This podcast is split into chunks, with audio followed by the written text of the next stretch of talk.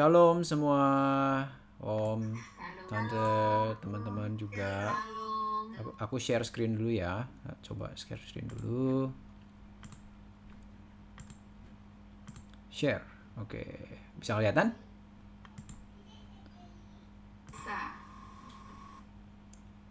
Oke, jadi um, aku pindahin pindahin dulu tunggu sebentar ya. Oke, Oke, jadi uh, terima kasih banget um, kalau hari ini aku boleh dikasih kesempatan untuk sharing sesuatu lagi dan hari ini aku akan sharing um, tentang doa. Um, aku ambil satu judul yang Judulnya doa yang selalu didengarkan Tuhan. Mungkin sebelum kita mulai seperti biasa, aku akan go through dulu sedikit apa aja sih yang mau kita uh, yang mau aku sharingkan hari ini. Jadi aku bagi jadi tiga uh, singkat gitu apa itu doa dan uh, problems dan tips yang mungkin bisa aku sharingkan di sini. Terus summary-nya, aku tipikal orang yang um, nggak suka sharing banyak-banyak lebih baik sedikit tapi mungkin itu uh, bisa lebih gampang diingat karena kadang-kadang kalau misalnya pribadi aku kalau dengar banyak itu ya misalnya wah 10 tips apa 15 steps atau 7 langkah ini itu kadang-kadang nggak lama sih aku udah lupa gitu loh. Jadi um, aku coba uh, setiap kali itu untuk mungkin kasih satu dua atau tiga lah gitu. Dan aku menekankan satu supaya cukuplah satu yang kita ingat malam ini dan biarin satu itu yang um, bisa berkembang dan membuat iman kita bertumbuh gitu. Dan kebetulan kan ini sebenarnya um, kalau aku lihat dari peserta mirip mirip-mirip sama minggu lalu ya. Jadi sebenarnya kali ini aku ada siapin uh, slide intro karena yang minggu lalu aku nggak siapin slide intro. Tapi aku akan go through intro sedikit. Jadi untuk yang mungkin nggak kenal aku uh, namaku Wardi.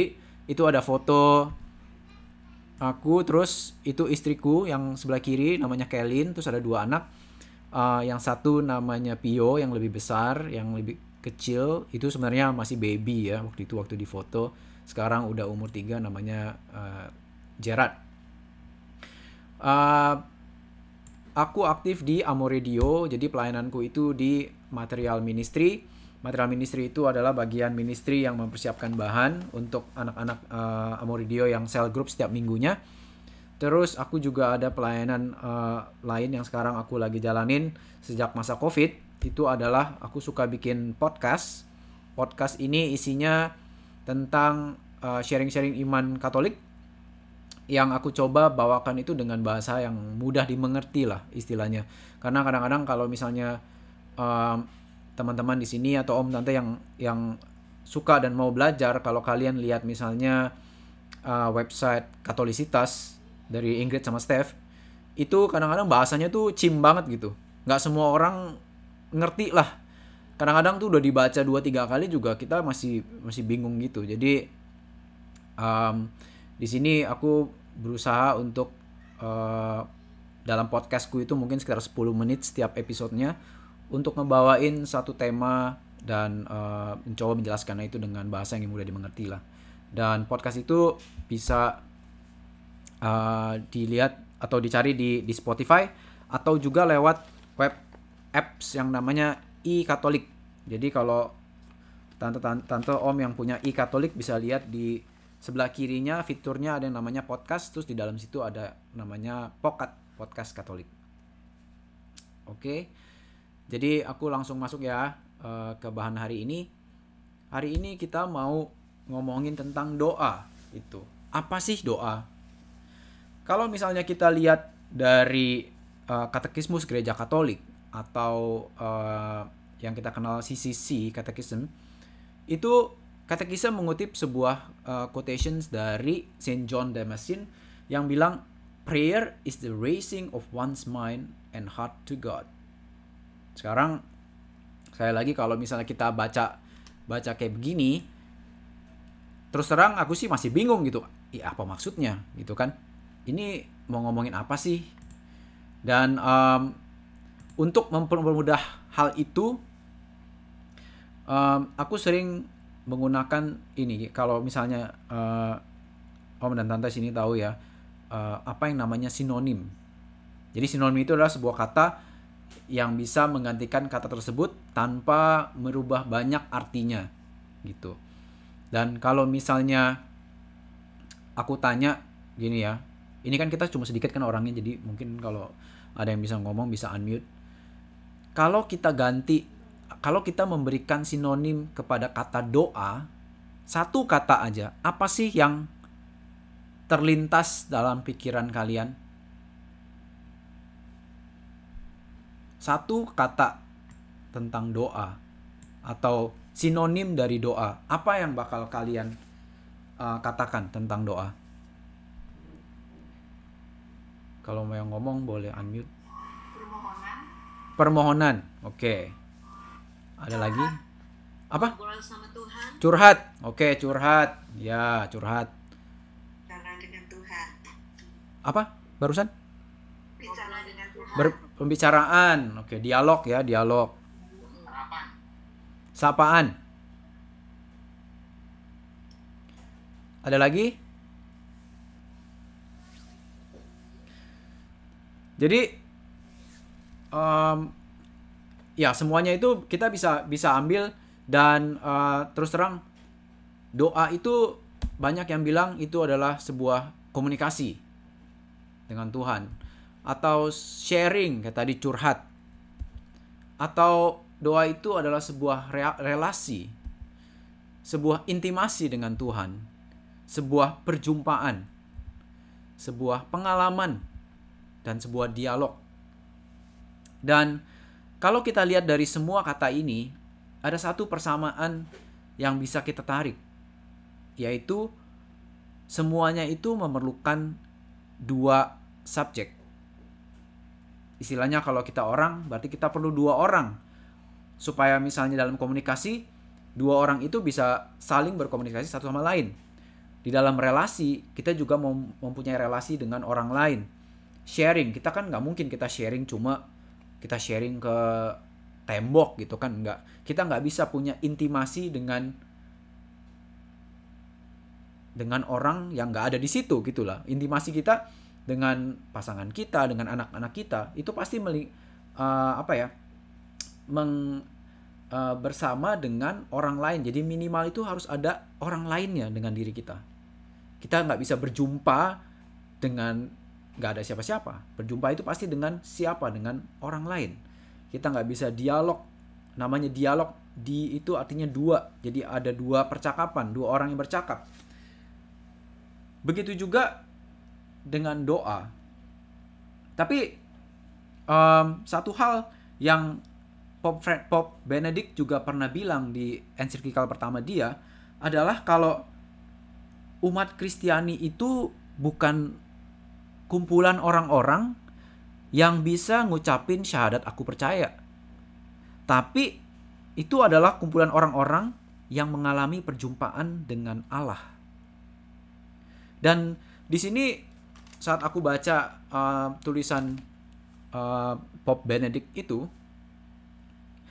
itu benar-benar uh, apa ya aku tersentuh gitu loh kayak oh iya juga ya kita tuh karena sering banget kan ya kalau misalnya aku nggak nyebutin agama lain tapi di agama lain itu suatu kayak kalau kamu bisa bersyahadat seperti ini maka kamu adalah menjadi agama ini kamu bergabung bersama agama ini.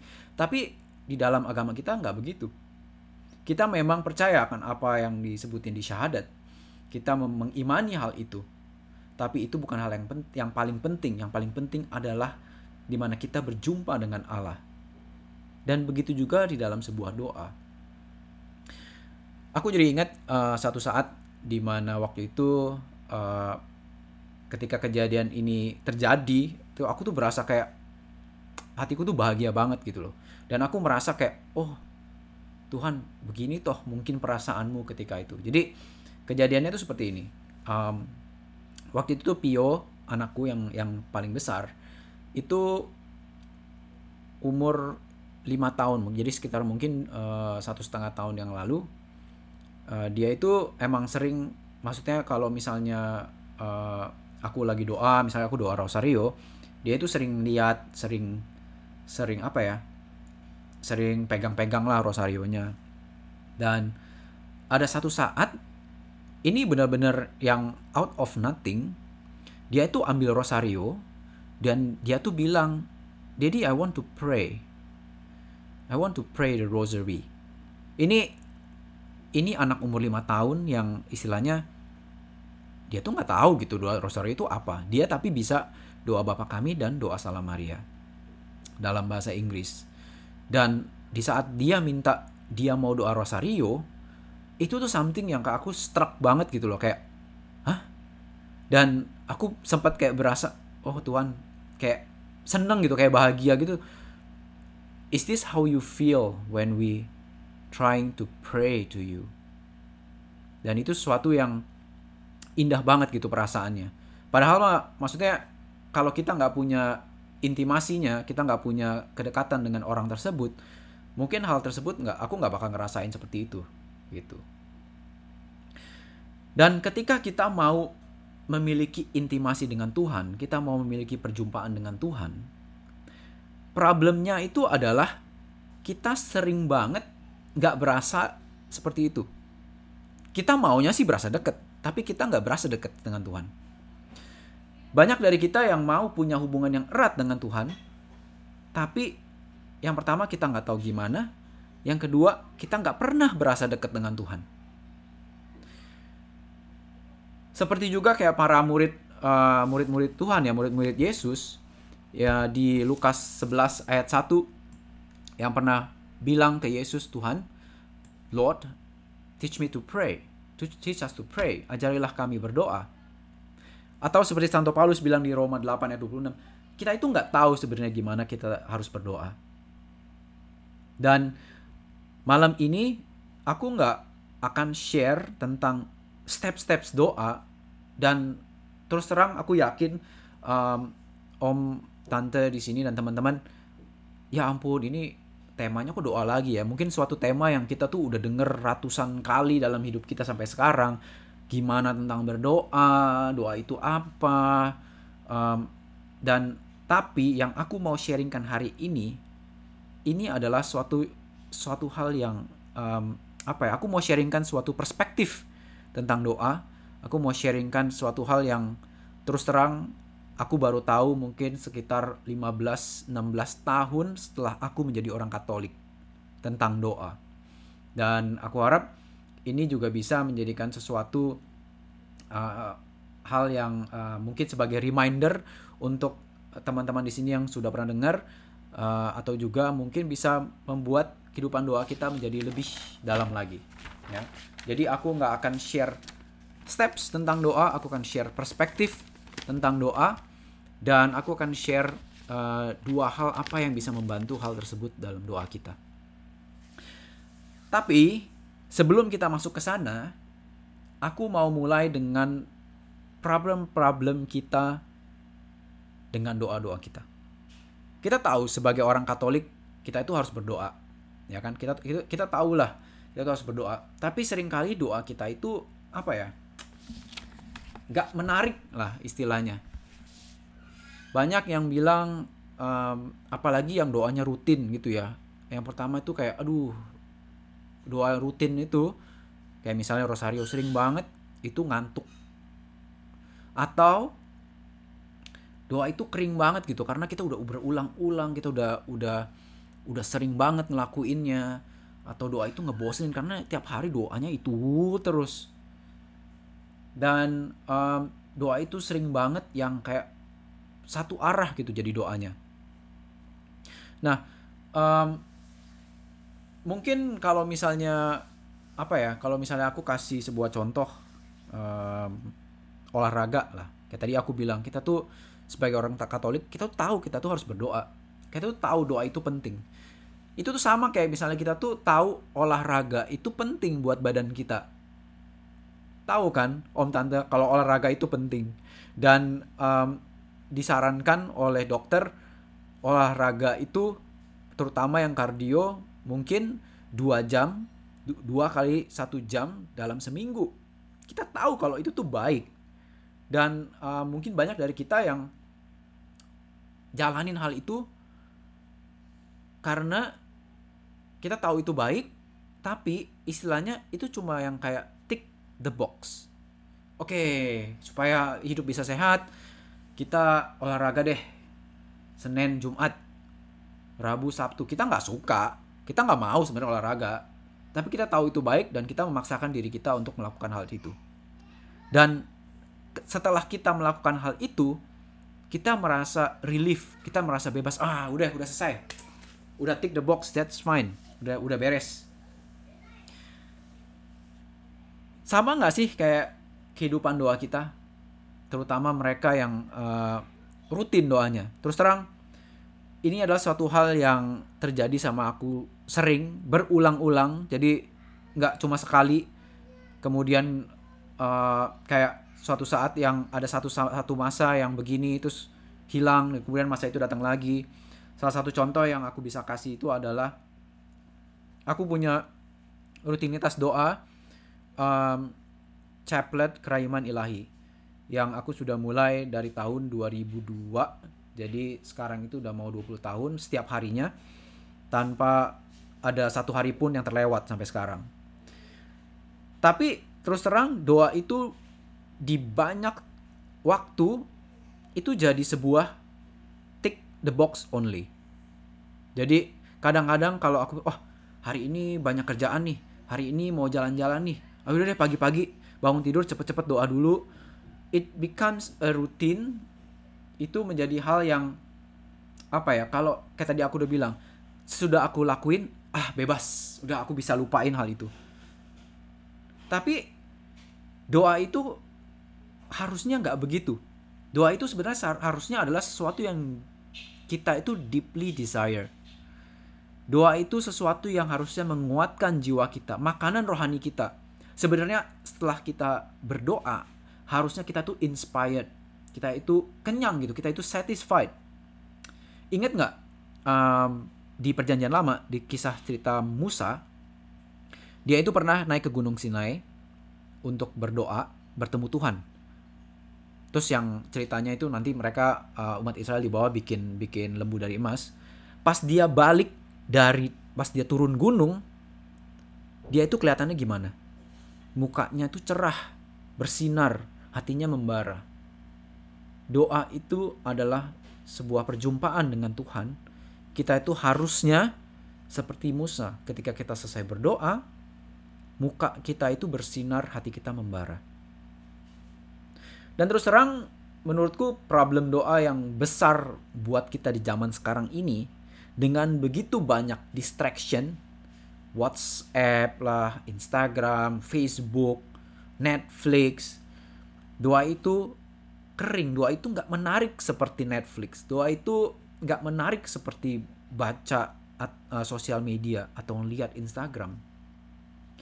Kapan terakhir kali Om dan Tante excited? Wah semangat banget nih.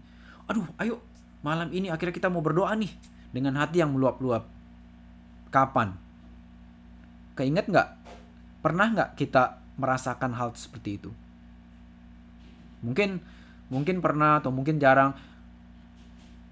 Tapi satu hal yang aku rasa entah entah uh, teman-teman di sini pernah merasakan atau enggak ya. Pernah nggak sih kayak gini? Aku aku pernah mengalami suatu hal yang mirip seperti ini. Ketika lagi semangat nih kan, semangat banget. Oh, uh, mau doa nih, mau doa nih. Oke, oke. Uh, Tuhan, aku udah siap nih mau berdoa, mau mendengarkan Tuhan. Terus diam. Apalagi kalau lagi di adoration room. Dia lama. Tuhan ngomong lah maksudnya kasih tahu lah mau ngomong apa gitu kan. Tapi kita nggak denger apa-apa.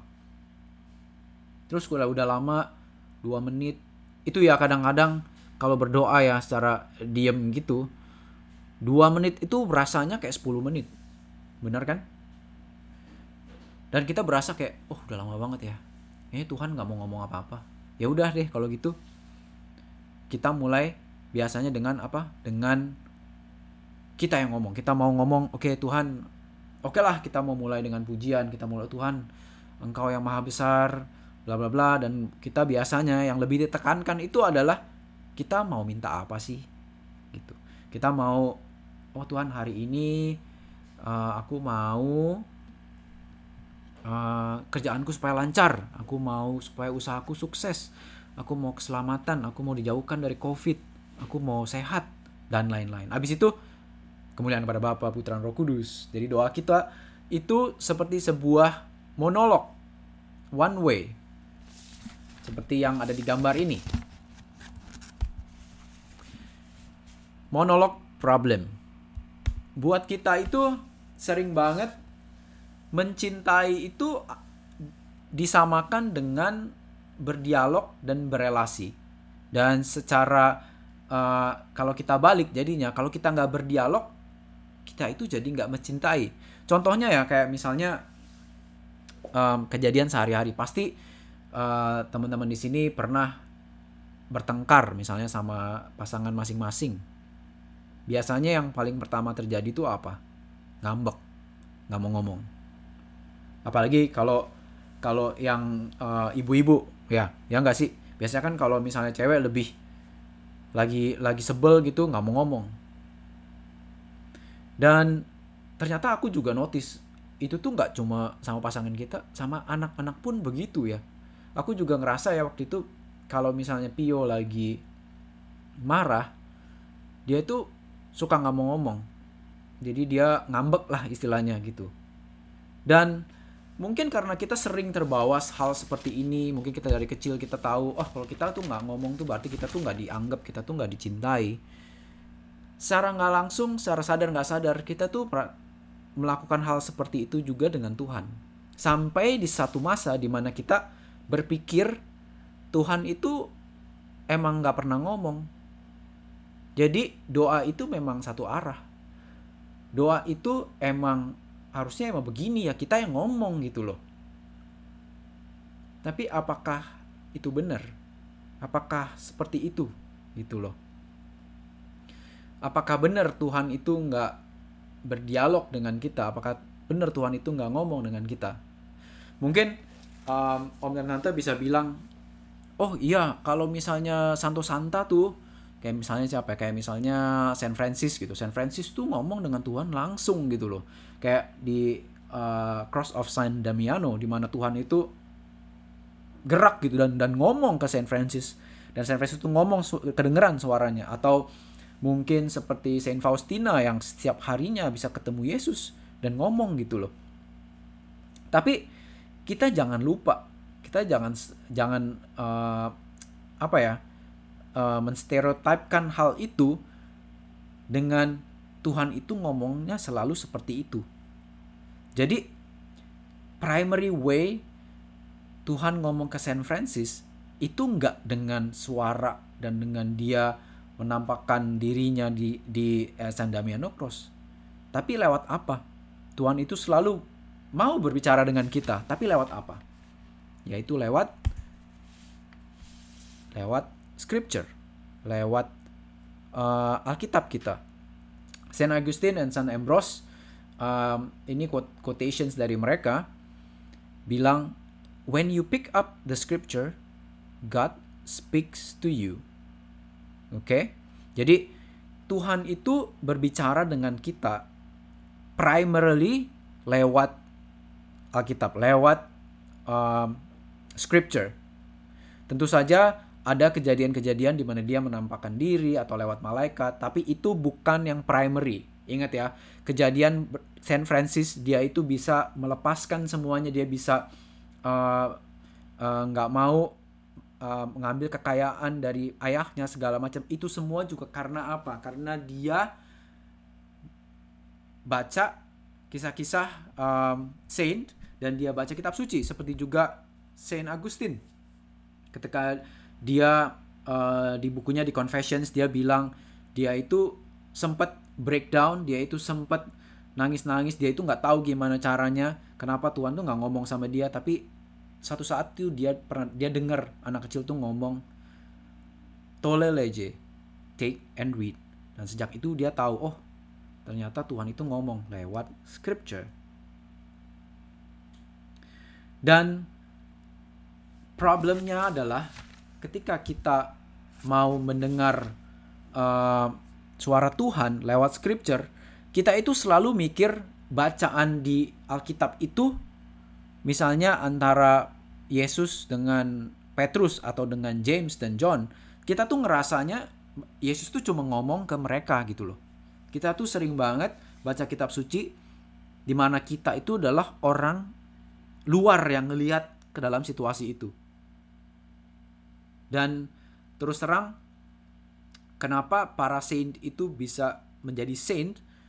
Karena mereka awalnya ketika dia mendengar suara Tuhan lewat lewat scripture mereka itu berasa Tuhan itu nggak ngomong ke Saint Peter. Mereka Tuhan itu nggak ngomong ke James and John.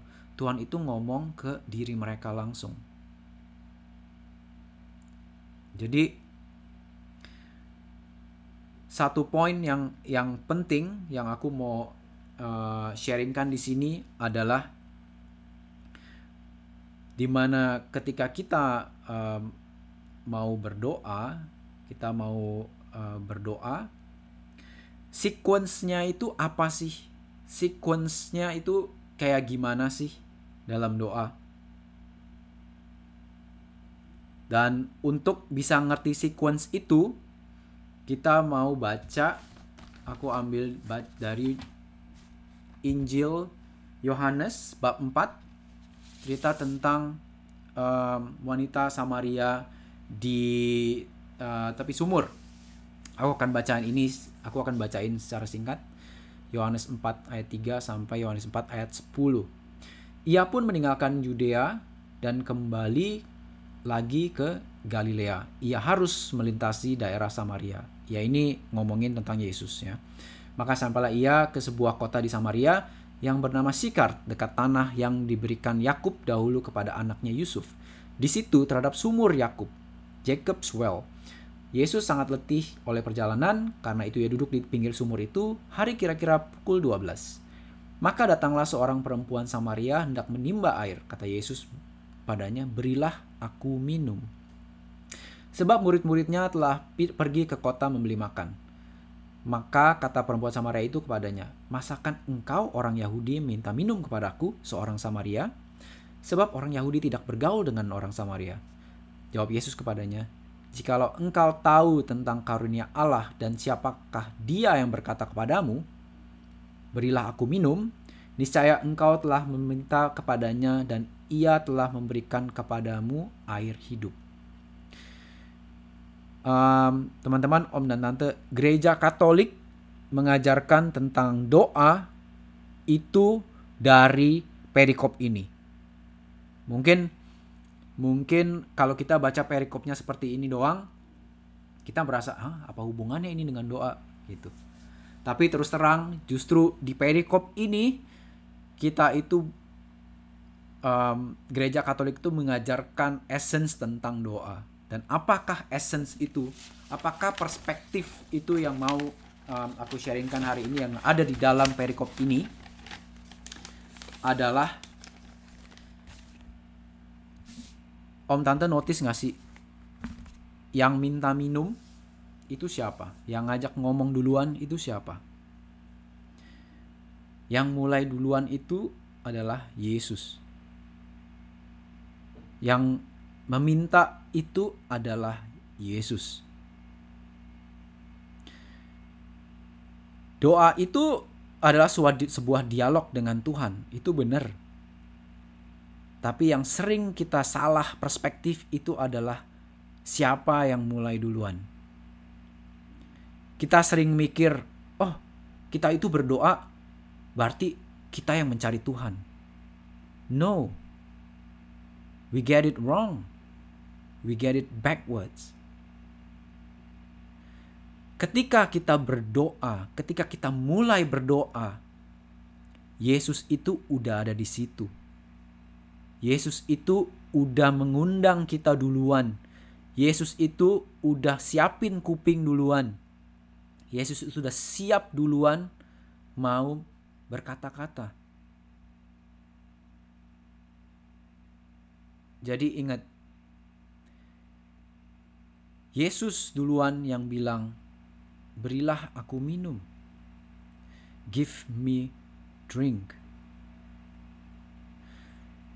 Ketika kita berdoa, kenapa judul tema hari ini yang aku ambil adalah doa yang selalu didengarkan Tuhan? Karena setiap kali kita berdoa, bukan kita yang menginisiasi doa itu. Setiap kali kita berdoa, Tuhan yang memanggil kita duluan. Doa kita itu cuma jawaban atas panggilan Tuhan.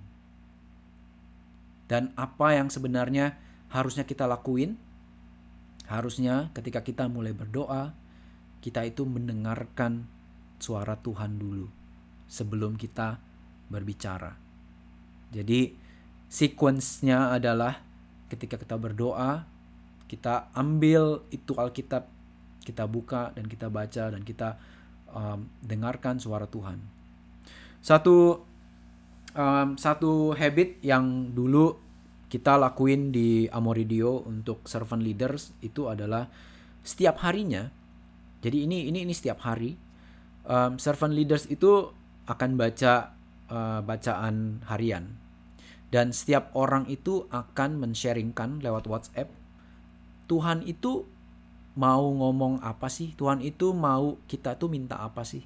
Dan terus terang ini satu hal yang yang yang menarik banget karena ketika Tuhan berbicara pada kita hari itu, ketika kita mengambil scripture itu, Tuhan itu sebenarnya udah kasih tahu kita, kita itu kudu minta apaan di hari itu.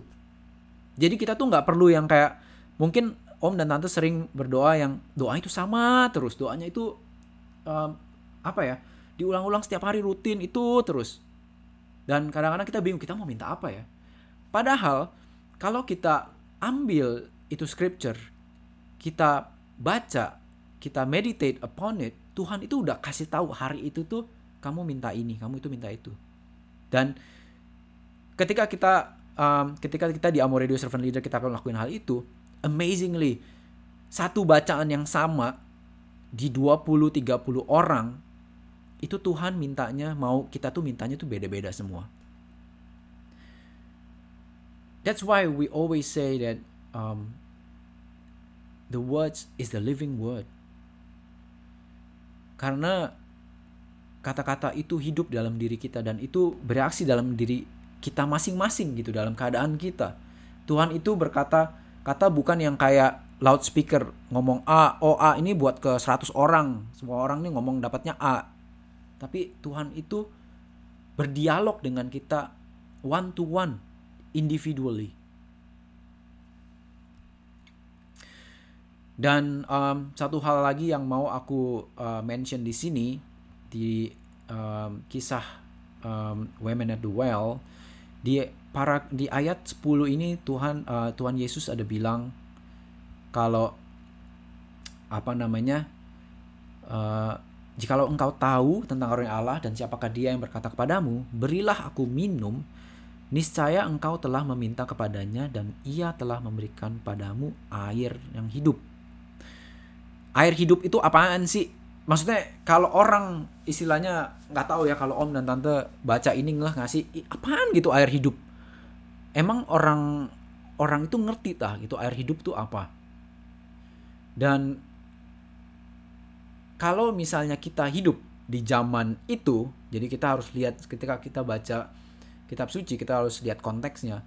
Orang di sana itu bakal tahu air hidup itu apa kalau dia mempelajari kitab suci yaitu uh, perjanjian lamanya mereka lah istilahnya untuk mereka ya dan hal tersebut relate banget ke Yeremia 2 ayat 13 di mana Tuhan jadi ini uh, Yahweh yang berkata-kata tentang umat Israel saat itu sebab dua kali umatku berbuat jahat, mereka meninggalkan aku, sumber air yang hidup, air hidup. Jadi Tuhan Allah Bapa merefer dia dirinya sendiri sebagai air yang hidup. Dan di sini ketika Yesus bilang dia bisa memberikan Tuhan. Dengan kata lain di sini sebenarnya Tuhan Yesus refer himself as God. kan banyak yang bilang ah Tuhan Yesus tuh nggak pernah bilang dirinya itu Tuhan. Nggak secara eksplisit iya. Tapi secara implisit sering. Dan ini adalah salah satu passage di mana dia menyatakan dirinya itu adalah Tuhan. Next CCC atau KGK 2560 di sini diulang lagi if you knew ini diambil dari passage tadi ya diambil dari cerita kisah tadi if you knew the gift of God The wonder of prayer is revealed beside the well where he comes seeking water. There, Christ comes to meet every human being. Meet every human being. Semua orang tanpa kecuali. It is he who first seeks us and asks us for a drink. Jesus thus his asking arises from the depth of God's desire for us, whether we realize it or not. Prayer is an encounter of God's thirst with ours. God thirsts that we may thirst for Him. Satu hal yang ini kudu um, teman-teman di sini ingat dari malam ini adalah ketika kita berdoa, Tuhan itu yang duluan ada di sana. Tuhan itu yang udah nyiapin dirinya untuk mendengarkan kita. Jadi nggak ada alasan doaku itu nggak didengarin Tuhan. Orang Tuhan sendiri kok yang manggil kamu untuk berdoa. Oke okay, ya. It is very important for us to know this. It is very very basic. Tapi terus terang suatu hal yang benar-benar basic tentang doa ini adalah suatu yang aku baru istilahnya dapetin setelah 15 16 tahun menjadi orang Katolik. Dan aku nggak pernah tuh diajarin kayak dikasih tahu waktu kata komen oh doa itu seperti ini tuh. Kemudian aku mau share tentang satu hal. Um, yang pertama ini adalah oke okay, sekarang kita tahu nih uh, doa itu um, kita mau Tuhan itu ada di sana duluan. Jadi kita mau mendengarkan suara Tuhan kan. Jadi aku harus ambil Alkitab. Aku harus baca Alkitab dulu ya. Tapi baca Alkitab kan males. Ya nggak sih?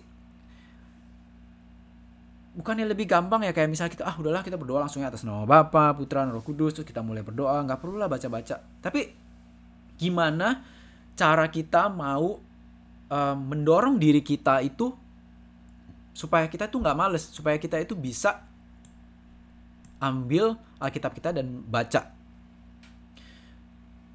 Satu hal yang um, aku ambil ini dari Perjanjian Lama, the tribe of Judah. Tahu nggak sih um, tribe of Judah itu apa? Pasti pernah dengar lah ya. Uh, pasti Om dan Tante pernah dengar kalau uh, Judah itu salah satu anaknya Israel jadi satu dari 12 suku Israel dan uh, Yesus itu um, in the line of Judah. Jadi dari silsilahnya itu dari suku uh, Judah atau bahasa Indonya itu Yudea. Kayak tadi kita baca ya dari dari daerah Yudea mau ke Galilea. Um, kenapa kenapa Judah gitu? Mungkin kita aku akan share beberapa uh, ayat dari Perjanjian Lama yang menurutku ini suatu hal yang menarik banget. Diambil dari Bilangan uh, chapter 10. Lalu berangkatlah orang Israel dari padang gurun Sinai menurut aturan keberangkatan mereka. Kemudian diamlah awan itu di padang gurun Paran. Itulah pertama kali mereka berangkat menurut titah Tuhan dengan perantaran Musa. Nah, yang kemudian berikutnya. Terdahulu berangkatlah laskar yang dibawa panji-panji Bani Yehuda menurut pasukan mereka. Yang mengepalai laskar itu ialah Nason bin Aminadab. Yehuda itu adalah Judah. Jadi kalau uh, bangsa Israel mau pergi perang, yang maju duluan itu adalah suku dari Judah, the tribe of Judah. Berikutnya diambil dari Judges, dari Hakim 1 um, 1 2. Setelah Joshua mati, Orang Israel bertanya kepada Tuhan, siapakah daripada kami yang harus lebih dahulu maju menghadapi orang Kanaan yang untuk berperang melawan mereka? Firman Tuhan, suku Yehuda lah yang harus maju. Sesungguhnya telah kuserahkan negeri itu ke dalam tangannya. Siapa duluan yang maju? The tribe of Judah. Hakim 20:18. Lalu orang Israel ber berangkat dan maju ke Bethel. Di sana mereka bertanya kepada Allah, Siapakah dari kami yang lebih dahulu maju berperang melawan Bani Benyamin? Jawab Tuhan, suku Yehuda lah lebih dahulu. Di dalam um, perjanjian lama, ketika Israel mau berperang, ketika Israel mau uh, wandering, mau berjalan, yang memimpin jalan itu adalah tribe of Judah. Yang maju duluan di medan perang itu adalah tribe of Judah. Mungkin sekarang Om Tante mikir, apaan sih ini? Ini apa hubungannya dengan doa? Apa hubungannya dengan males baca Alkitab? Kata Judah itu the tribe of Judah atau Yehuda atau Yudea itu artinya adalah pujian. Artinya adalah praise. Jadi ketika kita mau pergi berperang melawan kemalasan kita. Kita mau pergi berperang melawan kejelekan kita. Apa yang harus maju duluan? Judah. Praise. Pujian. Itu yang harus kita lakuin pertama kali.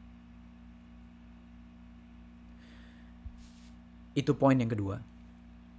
Poin yang terakhir yang mau aku sharingkan ini adalah satu kisah dari perjanjian lama juga yang pastinya nggak asing di uh, telinga teman-teman yaitu tentang Naman. Naman itu adalah seorang Gentiles jadi bukan orang Israel dia itu adalah panglima perang Aram. Aku akan sharing sedikit dari kisah ini dari dua raja-raja yang pasti sudah pernah dengar lah ya. Jadi um, aku akan baca sedikit. Kemudian datanglah Naman dengan kudanya dan keretanya lalu berhenti di depan pintu rumah Elisa.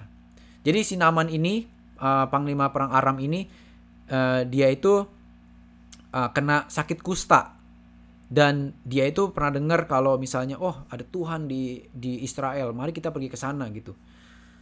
Terus dia pergilah ke ke raja Israel, terus raja Israel uh, suruh dia ketemu Elisa. Elisa suruh dia Elisa menyuruh seorang suruhannya kepada mereka, pergilah mandi tujuh kali dalam sungai Yordan, maka tubuhmu akan pulih kembali sehingga engkau menjadi tahir, menjadi bersih. Tapi pergilah Naman dengan gusar sambil berkata, Aku sangka bahwa setidak-tidaknya ia datang keluar dan berdiri manggil nama Tuhan Allahnya. Lalu menggerak-gerakkan tangannya di atas tempat penyakit itu dan dengan demikian sembuhlah penyakit kustaku. Ini adalah suatu hal juga yang penting banget yang kita kudu ambil gitu dalam pelajaran kita tentang doa.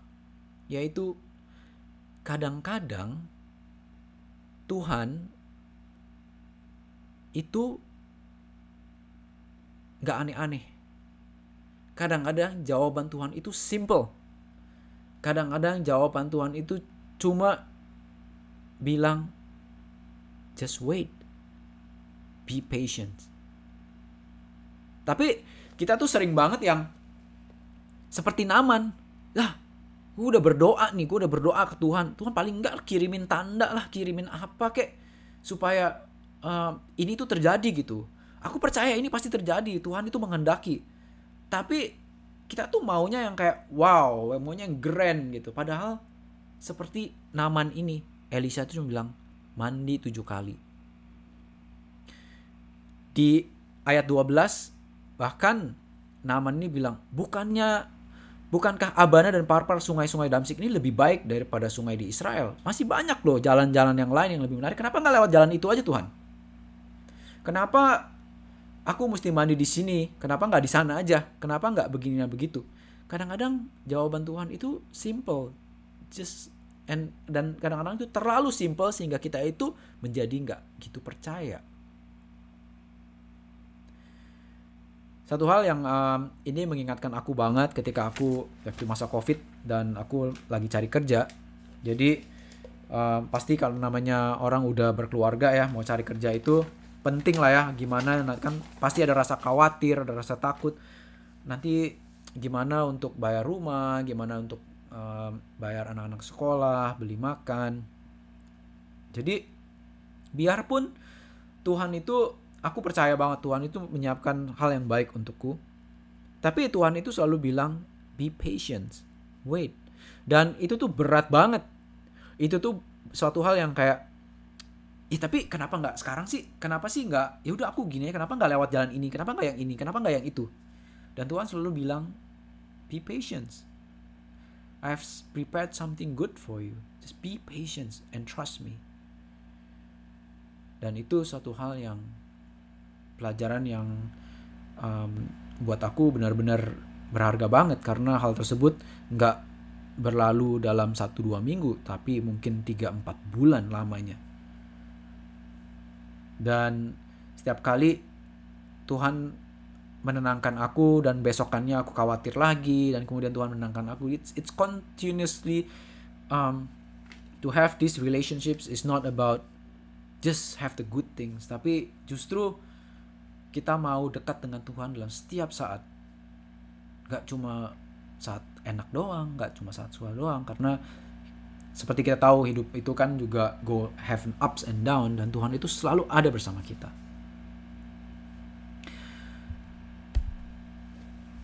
Jadi aku akan um, summary sedikit, take away note untuk malam ini. Yang pertama, yang paling penting, yang paling penting dari malam ini adalah ketika kita berdoa, God is always there first. Bukan kita yang mencari Tuhan, tapi justru Tuhan yang mencari kita. Yang kedua, ketika kita harus memerangi kemalasan kita untuk berdoa, memerangi kemalasan kita untuk ambil kitab suci, start with Judah. Mulai dengan pujian.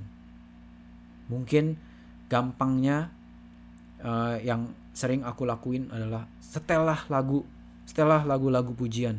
Kadang-kadang dengan begitu kita tuh jadi ah jadi mulai terdengar dan kita mulai ikut nyanyi dan kita mulai masuk dalam pujian. Yang ketiga, kadang-kadang dan bisa dibilang sering jalannya Tuhan, jawaban Tuhan itu it's very easy. It's very simple. Dan ketika dikasih tahu yang simple dan easy, just keep trusting him. Don't question it, just keep trusting him.